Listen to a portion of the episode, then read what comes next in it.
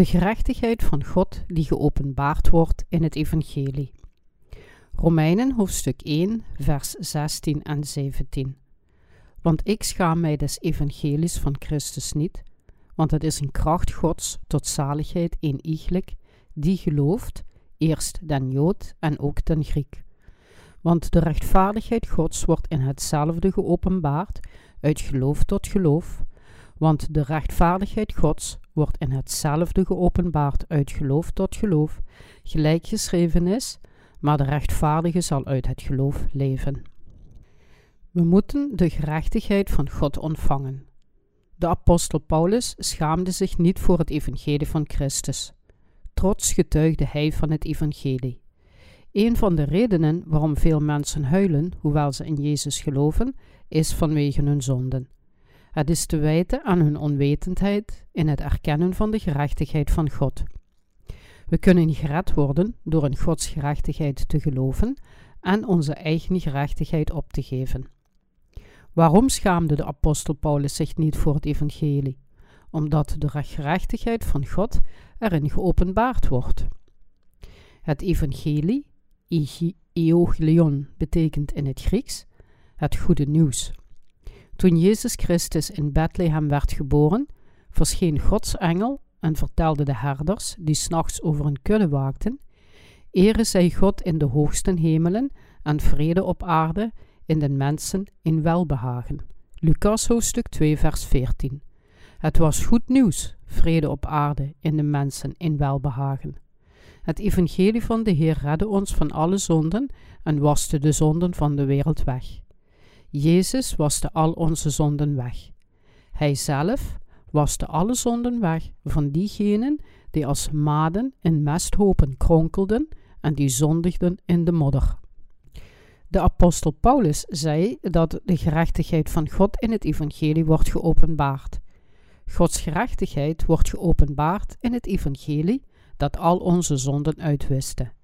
De gerechtigheid van God staat ons toe om de heiligen en rechtvaardigen te worden. Het staat ons ook toe om het eeuwige leven te verkrijgen en zondenloos te zijn. Wat is de gerechtigheid van mensen? Wij mensen laten ons graag zien voor God als we iets hebben om over op te scheppen. Het opstapelen van uw eigen trots door goede daden te doen, beeldt menselijke gerechtigheid uit. Jezus' rechtvaardige daad, die ons van al onze zonden redde, maakte het mogelijk dat Gods gerechtigheid in het evangelie werd geopenbaard. Dit is de gerechtigheid van God. Tegenwoordig prediken de meeste christenen het evangelie zonder het evangelie van de gerechtigheid van God te kennen. Zij zeggen: Geloof in Jezus en u zult gered en rijk worden. Dit is echter niet de leer van het evangelie van Gods gerechtigheid. Het evangelie lijkt populairder dan wat dan ook, maar de meeste mensen zijn onwetend en begrijpen het evangelie niet. Het is hetzelfde als het feit dat de Bijbel een bestseller is, maar mensen kennen de inhoud nog steeds niet. Het kostbaarste en heilzaamste in deze wereld is het evangelie dat God ons heeft gegeven. Want de rechtvaardigheid Gods wordt in hetzelfde geopenbaard uit geloof tot geloof. Het evangelie van God is als een oase in de woestijn. Jezus kwam naar die zondaars die veel zonden hebben begaan en waste al hun zonden weg. Mensen hebben echter het geschenk van zijn gerechtigheid verworpen, die de zonden van de wereld heeft weggewassen, terwijl ze proberen hun eigen gerechtigheid te vestigen. Mensen die opschappen over hun eigen inspanningen, diensten, toewijding, ijver, offergaven, brouwgebeden, vasten, de zondag heilig houden, het vertalen van Gods woord in de praktijk enzovoorts, en die Gods geschenk weigeren, zijn diegenen die zijn gerechtigheid verwerpen. Iemand kan de gerechtigheid van God alleen ontvangen als zijn eigen gerechtigheid wordt opgegeven. Ze naaiden vijgenbladen aan elkaar en maakten kleden voor zichzelf. In Genesis, hoofdstuk 3, vers 21 staat geschreven: En de Heere God maakte voor Adam en zijn vrouw rokken van vellen en toog ze hun aan. De eerste mens, Adam, zondigde tegen God door te vallen voor het bedrog van Satan.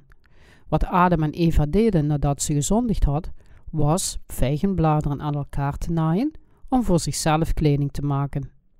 De kledingstukken gemaakt van vijgenbladeren vormen een opvallend contrast met de tunieken van huiden. Het was het verschil tussen de gerechtigheid van de mens en de gerechtigheid van God. Genesis hoofdstuk 3 vers 7 zei, en ze hechten vijgenbladeren samen en maakten zich schorten. Heeft u ooit radijsbladeren gevlochten? Wij Koreanen snijden de radijsbladeren af van de radijsjes en vlechten ze samen met rijstrietjes om ze te drogen. We koken er in de winter bonenpasta mee. Het is heerlijk. Adam en Eva vlochten vijgenbladeren samen en maakten kledingstukken nadat ze gezondigd hadden. Dit soort handelingen, goede daden, zelfverloochening en zelfopoffering, vormen menselijke gerechtigheid. Het is hun eigen gerechtigheid, niet de gerechtigheid van God.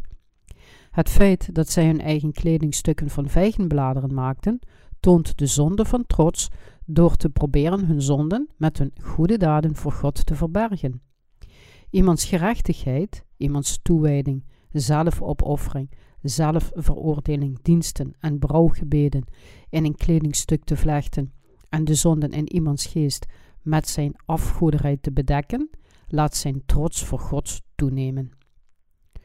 Kunnen we onze zonden in ons hart voor God verbergen door vijgenbladeren aan elkaar te naaien om er kleding van te maken? Kunnen we onze zonden door onze eigen goede daden verbergen? Nooit.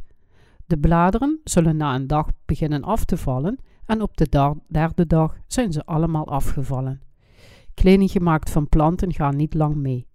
Mensen die vijgenbladeren aan elkaar naaien en er kledingstukken van maken, zijn diegenen die proberen rechtvaardig te zijn door God goed te dienen met hun eigen daden, kunnen het koninkrijk van de hemel niet binnengaan. We kunnen de vergeving van zonden niet door de rechtvaardigheid van onze eigen daden verkrijgen. Toen Adam en Eva hun zonden probeerden te verbergen door kleding van vijgenbladeren te maken, riep God Adam: Waar ben je, Adam? Terwijl hij zichzelf tussen de bomen in de tuin verstopte, zei hij: Ik hoorde uw stem in den hof en ik vreesde, want ik ben naakt, daarom verborg ik mij.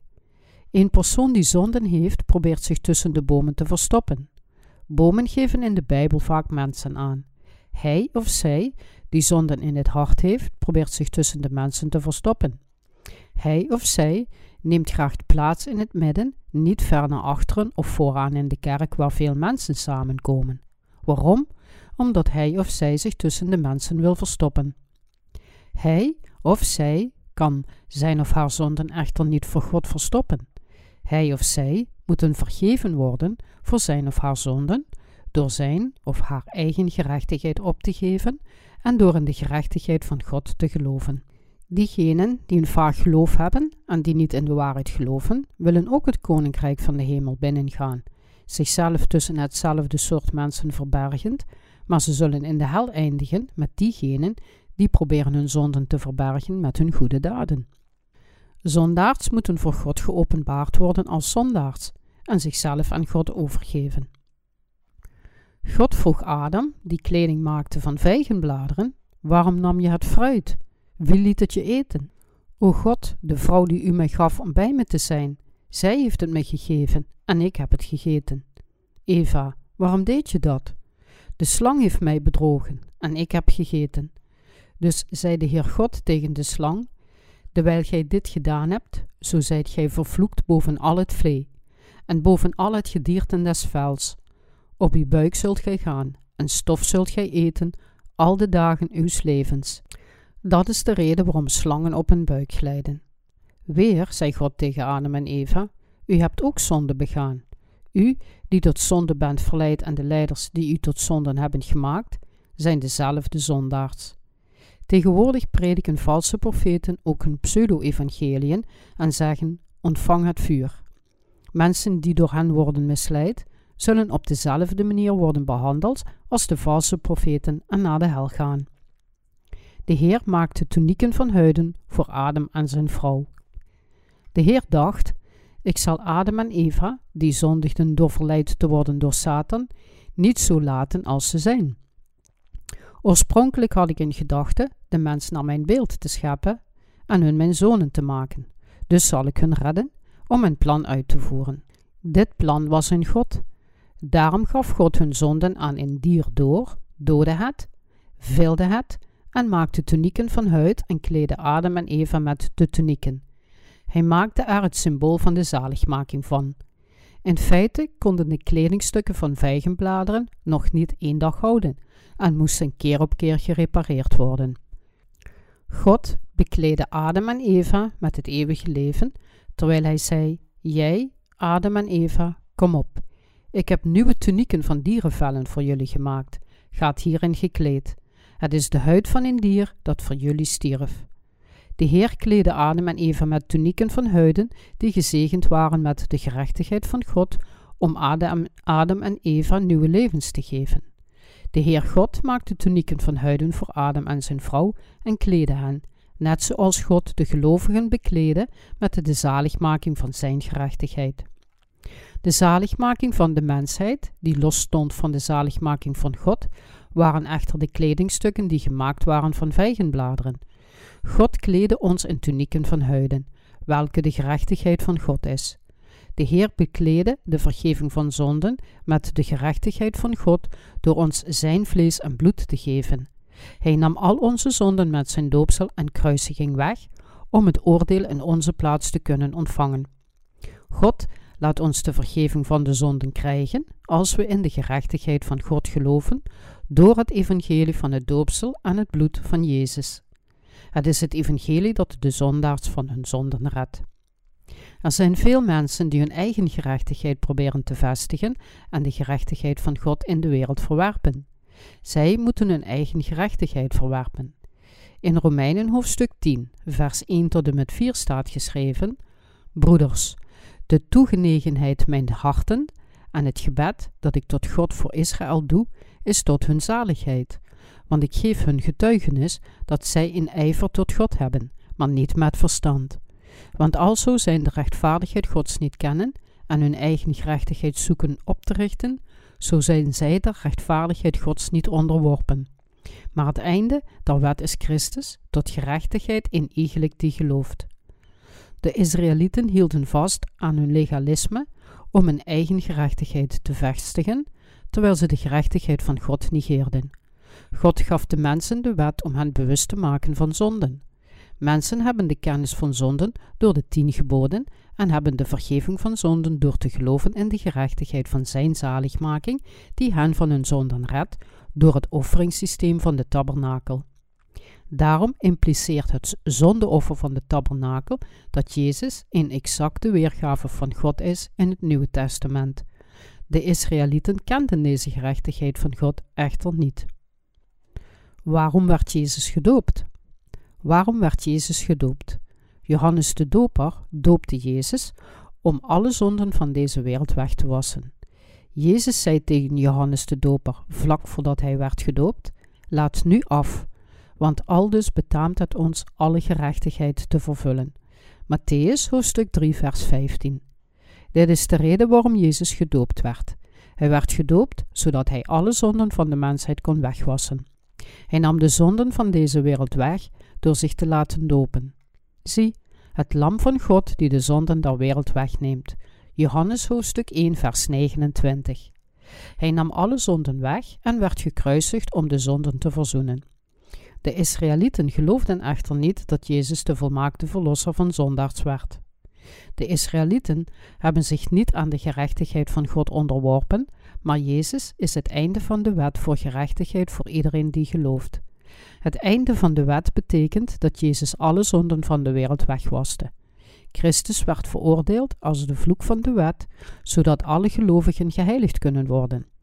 Hij maakte een einde aan de vloek van de wet. Jezus verloste alle mensen van hun zonden. Jezus werd gedoopt om de zonden van de mensheid weg te wassen. Hij nam alle zonden van de wereld weg door zijn vlees aan Johannes aan te bieden om gedoopt te worden en door alle zonden van de wereld aan zijn vlees door te geven. Hij redde daarmee alle mensen van hun zonden. Hij beëindigde het oordeel van de vloek van de wet door de zonden van de wereld weg te nemen met zijn doopsel en kruisiging. Hij heeft ons perfect gered van het oordeel en de vloek van de wet. Het was het einde van de wet en het begin van de gerechtigheid van Gods zaligmaking. Jezus nam op een adequate manier de zonden van de wereld weg door gedoopt te worden door Johannes de Doper en door naar het kruis te gaan. Hoe is het mogelijk dat iemand zonden in zijn hart heeft, zelfs als hij werkelijk in de gerechtigheid van Jezus' zaligmaking gelooft? Want de rechtvaardigheid Gods wordt in hetzelfde geopenbaard uit geloof tot geloof. Het doopsel en het bloed van Jezus zijn de gerechtigheid van God geworden. Om in de gerechtigheid van God te geloven, is te geloven in Jezus' doopsel en bloed. De gerechtigheid van God werd legitiem vervuld door Jezus' doopsel. Ik wil dat u erin gelooft. U zult dan van al uw zonden gered worden. De gerechtigheid werd gegeven, zodat zondaars zondenloos kunnen worden door Jezus' doopsel. Bovendien was de gerechtigheid van Gods oordeel Jezus' kruisiging. Christus is het einde van de wet. Het oordeel van God zal over hun komen die nog niet veroordeeld zijn, zolang de wet bestaat. De wet van God openbaart zonde en bewijst dat het loon van de zonden de dood is, in vloek en de hel zelf. Daarom maakte Jezus' doopsel en bloed aan het kruis een einde aan de vloek van de wet. Jezus nam al onze zonden weg en maakte een einde aan de wet om alle gerechtigheid te vervullen. De dwazen namen hun lampen mee, maar geen olie. Laten we Matthäus hoofdstuk 25, vers 1 tot en met 13 eens bekijken. Hier is de parabel van de tien maagden die op een bruidegom wachten, de komst van onze Heer. Laten we eens kijken wat de gerechtigheid van God is door de geschriften. Alsdan zal het koninkrijk der hemelen gelijk zijn aan tien maagden, welke haar lampen namen en gingen uit den bruidegom tegemoet. En vijf van haar waren wijzen en vijf waren dwazen. Die dwaas waren, haar lampen nemenden, namen geen olie met zich, maar de wijzen namen olie in haar vaten met haar lampen. Als nu de bruidegom vertoefde, werden zij allen sluimerig en vielen in slaap. En ter middernacht geschiedde een geroep: Ziet, de bruidegom komt, gaat uit hem tegemoet. Toen stonden al die maagden op en bereidden haar lampen. En de dwazen zeiden tot de wijzen: Geef ons van uw olie, want onze lampen gaan uit. Doch de wijzen antwoordende, zeggende: Geen zins, opdat er misschien voor ons en voor u niet genoeg zij, maar gaat liever tot de verkopers en koopt voor uzelven. Als zij nu heen gingen om te kopen, kwam de bruidegom, en die gered waren gingen met hem in tot de bruiloft, en de deur werd gesloten. Daarna kwamen ook de andere maagden, zeggende: Heer, Heer, doe eens open. En hij antwoordende zeide: Voorwaar zeg ik u, ik ken u niet. Zo waakt dan, want gij weet den dag niet, noch de uren, in den welken de Zoon des Mensen komen zal. Matthäus, hoofdstuk 25, vers 1 tot en met 13. Er staat geschreven dat het koninkrijk van de hemel vergelijkbaar is met de tien maagden die hun lampen namen en de bruidegom tegemoet gingen. Wie gaat het koninkrijk van de hemel binnen? Wie van de tien maagden ging het koninkrijk van de hemel binnen? Waarom waren sommige maagden niet in staat het koninkrijk van de hemel binnen te gaan, hoewel ze in Jezus geloofden? De Heer vertelt ons hierover door de bovenstaande passages. Vijf van de tien maagden waren dwaas en de anderen vijf waren wijs. De dwazen namen hun lampen, maar ze namen geen olie met zich mee. Lampen staan voor kerken. Het feit dat ze wel hun lampen, maar geen olie meenamen, vertegenwoordigt diegenen die zonder de Heilige Geest naar de kerk gaan. De olie staat voor de Heilige Geest in de Bijbel. Wat deden de dwazen? Zij namen hun lampen mee, maar geen olie. Een mens die niet wedergeboren is, ook al gelooft hij in Jezus, kan toegewijd naar de kerk gaan. Iedereen zegt: Mijn kerk is echt orthodox. Elke christen in deze wereld zegt dat. En ze zijn trots op de grondleggers en sommige karakters in hun denominaties. Diegenen die dwaas waren, namen hun lampen, maar geen olie met zich mee, maar de wijzen namen olie in hun vaten met hun lampen. Wat is een mens? Een mens is een voorwerp voor God. Hij of zij is stof. Een mens is gemaakt van stof. De mensheid is dus een voorwerp waarin God aanwezig kan zijn. De wijzen namen hun lampen gevuld met olie mee. De dwaze maagden, die alleen lampen zonder olie hebben, verbranden hun emoties. De Bijbel vertelt ons dat er dwaze maagden onder de mensen zijn die in Jezus geloven. Ze namen hun lampen, maar geen olie. Dit betekent dat zij niet wedergeboren zijn. Gaat een lont zonder olie lang mee? Wat we hier moeten weten is dat een lamp zonder olie snel opbrandt, hoe goed de lont ook is. Gelovigen die nog niet wedergeboren zijn, hebben op de eerste plaats een passionele liefde tegenover de Heer. Dit duurt slechts vier tot vijf jaar. Later blust de passionele liefde voor de Heer uit. Ze moeten zich realiseren dat ze niet de vergeving van zonden hebben. Diegenen die niet wedergeboren zijn of zonder olie zijn, de Heilige Geest, zeggen dingen zoals: Ik had eens een goed geloof, lange tijd geleden. Ik was in het begin goed, maar nu ben ik dat niet meer. U zult al gauw zoals mij worden. Het zijn valse profeten en valse heiligen die een religieus leven leiden zonder wedergeboren te zijn. Zij moeten geloven in de zaligmaking, omdat hun geloof niet gebaseerd is op olie, de Heilige Geest. Hun geloof is alleen gebaseerd op hun emoties. Ze moeten de zaligmaking verkrijgen door in het water en het bloed van Jezus Christus te geloven en de olie van God als een geschenk ontvangen. De lont staat voor het menselijke hart. De maagden wachten op de bruidegom in de bovenstaande passages. Hier moeten we de culturele achtergrond van de Israëlieten goed begrijpen. Zij hebben s'avonds huwelijksceremonies en het begint als de bruidegom komt. Dus moet de bruid wachten op de bruidegom. Dit is hoe de huwelijksceremonie voor de Israëlieten was. Als nu de bruidegom vertoefde, werden zij allen sluimerig en vielen in slaap. Toen was er geroep: Ziet, de bruidegom komt. Toen stonden de bruiden op en maakten veel ophef om hun aangezicht te verbeteren. Toen de tien maagden op de bruidegom wachten, kwam de bruidegom met een groep. Ziet, de bruidegom komt. Toen stonden al die maagden op en bereidden haar lampen. En de dwazen zeiden tot de wijzen: Geef ons van uw olie, want onze lampen gaan uit. De dwazen waren dom. Ze hadden de olie moeten bereiden voordat de bruidegom kwam. Het maakt niet uit hoe zwak de lont van de lamp was. Een lamp met olie zal niet doven. De dwaze maagden, die lampen zonder olie hadden, verbranden alleen de lonten.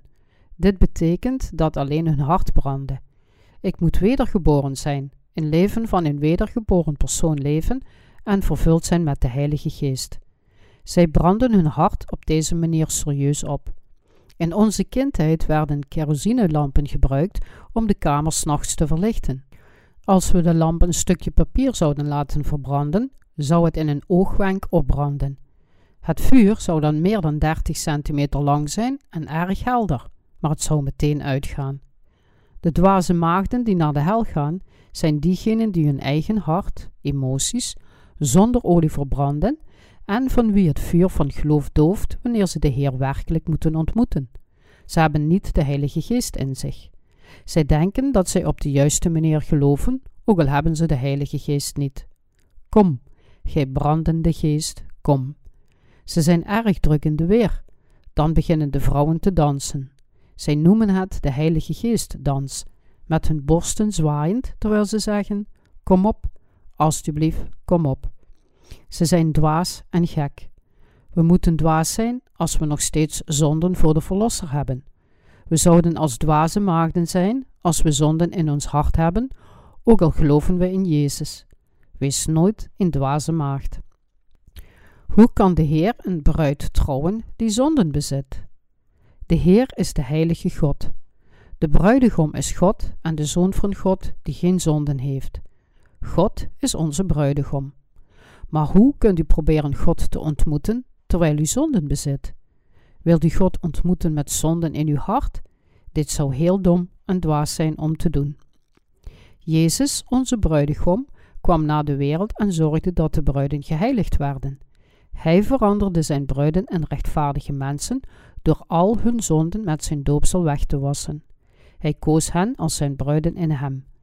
Toen de tijd gekomen was, zeiden vijf van hen: Kom dan alstublieft. Vijf van hen stonden echter nog in het donker. Hoe kunnen ze huwelijksceremonies houden als hun gezichten donker zijn? De bruidegom kwam en zei: Hoe gaat het met jullie? De gezichten van de laatste vijf bruiden waren verduisterd vanwege hun zonden. Ze hadden veel verdriet, omdat hun zonden hier en daar in hun harten waren gehecht. Hoe kan de Heer een bruid trouwen die huilt vanwege haar zonden? Dank u, Heer, voor me op deze manier te heiligen. Dit soort persoon zal gelukkig zijn met zijn of haar geestelijke bruidegom, ook al is hij of zij zwak, omdat de bruidegom van hem of haar houdt en al zijn of haar zwakheden en zonden heeft weggewassen. De bruidegom leidt zijn bruid gewoonlijk tot het aanbrengen van make-up, stuurt kleding en de beste parfums en cosmetica. Dan wordt de bruid met al zijn dingen aangekleed, zodat ze klaar is om de bruidegom te ontmoeten. Onze Heer werd naar de wereld gestuurd als de bruidegom om ons te verleiden, zodat we Hem als Zijn bruiden kunnen ontmoeten. Hij gaf ons Zijn vlees voor de vergeving van de zonden in de Jordaan. En het woord is vlees geworden en heeft onder ons gewoond. En wij hebben Zijn heerlijkheid aanschouwd in heerlijkheid als de enige geborenen van den Vader, vol van genade en waarheid. Johannes hoofdstuk 1 vers 14. De Heer nam zelf al onze zonden weg, zodat we de volheid van de genade, de waarheid en de vergeving van zonden zouden hebben door in de Heer te geloven. De bruidegom nam alle zonden van zijn bruiden weg in de rivier de Jordaan. De Heer redde zijn bruiden van hun zonden door voor hun in de plaats aan het kruis veroordeeld te worden. Kunnen we de Heilige Geest met geld en beproevingen kopen? De dwaze maagden vroegen de wijzen om de olie met hun te delen, want hun lampen waren opgebrand toen de bruidegom naderde. Kunnen we de Heilige Geest delen? Kunnen we de Heilige Geest met geld kopen? Kunnen we de vergeving van de zonden met goede daden, beproevingen of geld kopen? De wijzen zeiden dat ze de Heilige Geest bij de predikers van de herlevingsdiensten moesten gaan kopen. De dwaze maagden dachten dat ze het al van hen gekocht hadden. Zij dachten dat ze de olie met geld konden kopen. Ze leidden ijverig een religieus leven in de veronderstelling dat grote offergaven en diensten, het bezoeken van orthodoxe kerken en herhaaldelijk bidden hen iets zou opleveren. Maar wat er ook gebeurt, niemand kan de vergeving van zonden, die de Heer gegeven heeft, met iets op aarde kopen. De dwazen probeerden hun emoties te verbranden, totdat zij voor de Heer kwamen te staan. Een van de vijf dwazen begon een religieus leven terwijl ze zei: Ik zal u volgen en ik zal ook de bergen ingaan voor gebeden en boetedoening. Laat ons hem dienen. Laat ons naar het buitenland gaan en het evangelie prediken. Uiteindelijk kwam de bruidegom met een grote fanfare. De dwazen gingen olie kopen toen de bruidegom kwam, maar de maagden die de vergeving van de zonden hadden en de olie, de Heilige Geest, voorbereid hadden, gingen naar het huwelijksfeest. De bruidegom ontmoette de bruiden nadat hij alles voorbereid had. Toen sloot hij de deur. Jezus koos niet zomaar op goed geluk vijf maagden. Het getal vijf betekent genade in de Bijbel. De vijf maagden staan voor diegenen die voor genade de vergeving van de zonden hebben ontvangen en in zijn genade en rechtvaardige daden geloven. Ze erkennen de dingen die de bruidegom voor hen heeft gedaan en geloven in de gerechtigheid van de Heer die hen rechtvaardig maakt. Uiteindelijk kwamen de andere maagden en zeiden: Heer, Heer, doe ons open. Maar hij antwoordde: Voorwaar, zeg ik u, ik ken u niet. We kunnen het geschenk van de Heilige Geest alleen ontvangen als onze zonden zijn uitgewist. Diegenen die geen olie bereiden, kunnen de Heer niet ontmoeten. De Heer zal alleen diegenen die in Gods gerechtigheid geloven en die op het koninkrijk van de hemel wachten, en diegenen die daadwerkelijk de vergeving van zonden in hun hart hebben ontvangen, naar het koninkrijk van de hemel brengen.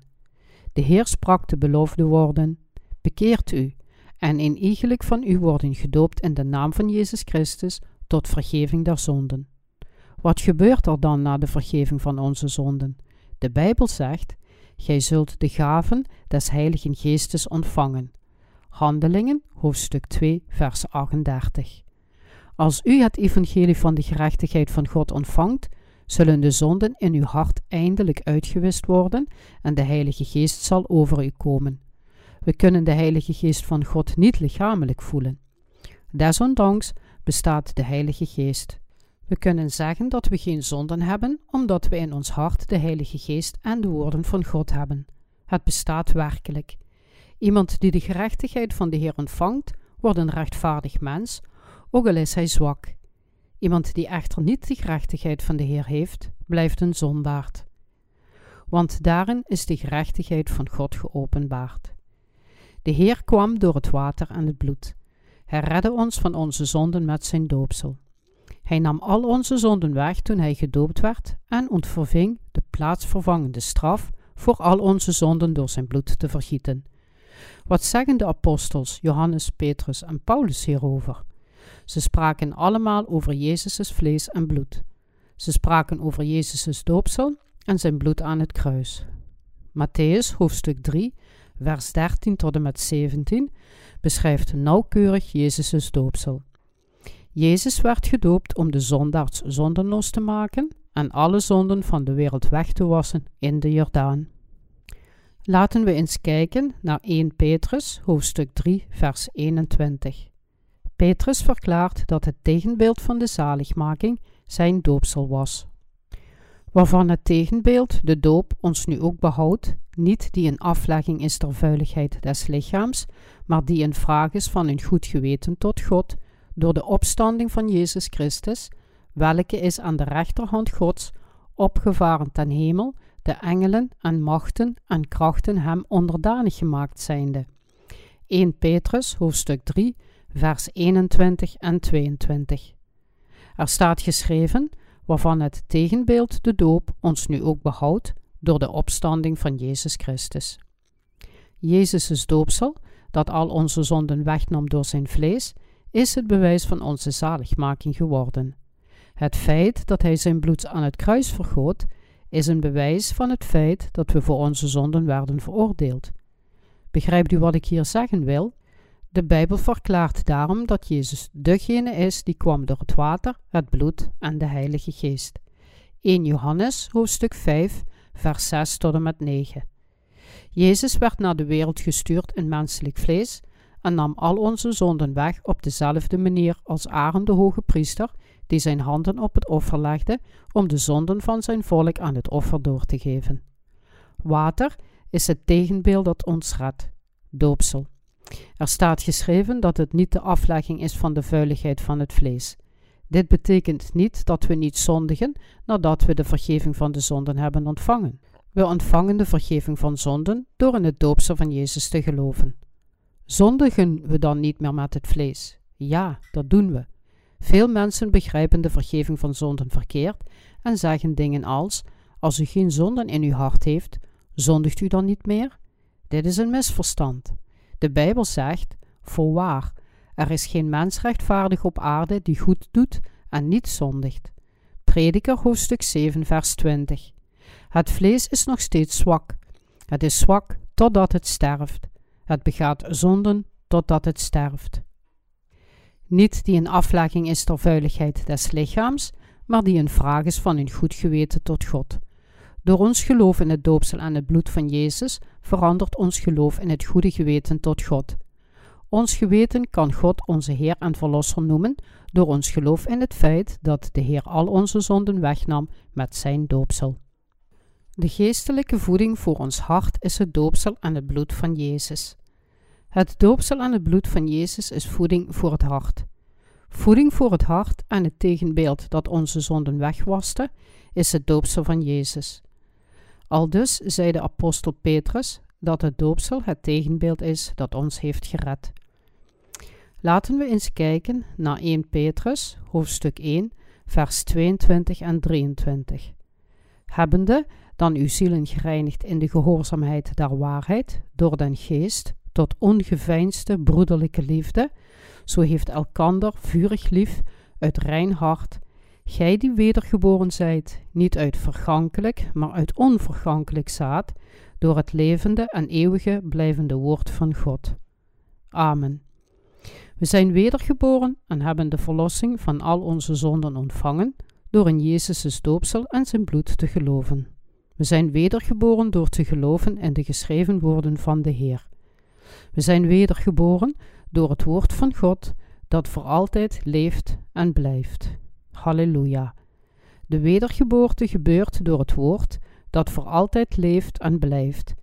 Het woord van God is de kerkregel die verwijst naar een meetlat. Het is de maatstaf van de zaligmaking.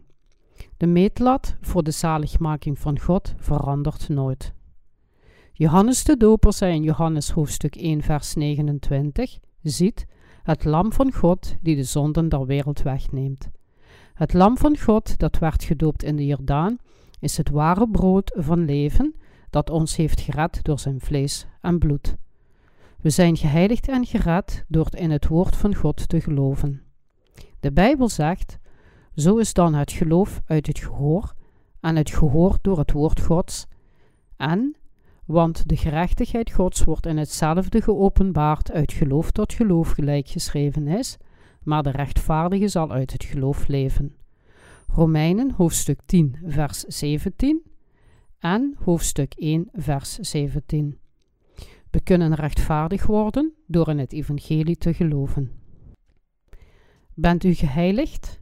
Amen. Heeft u geen zonden? Het is het evangelie, het goede nieuws, Eogelion in het Grieks. Wat is de gerechtigheid van God?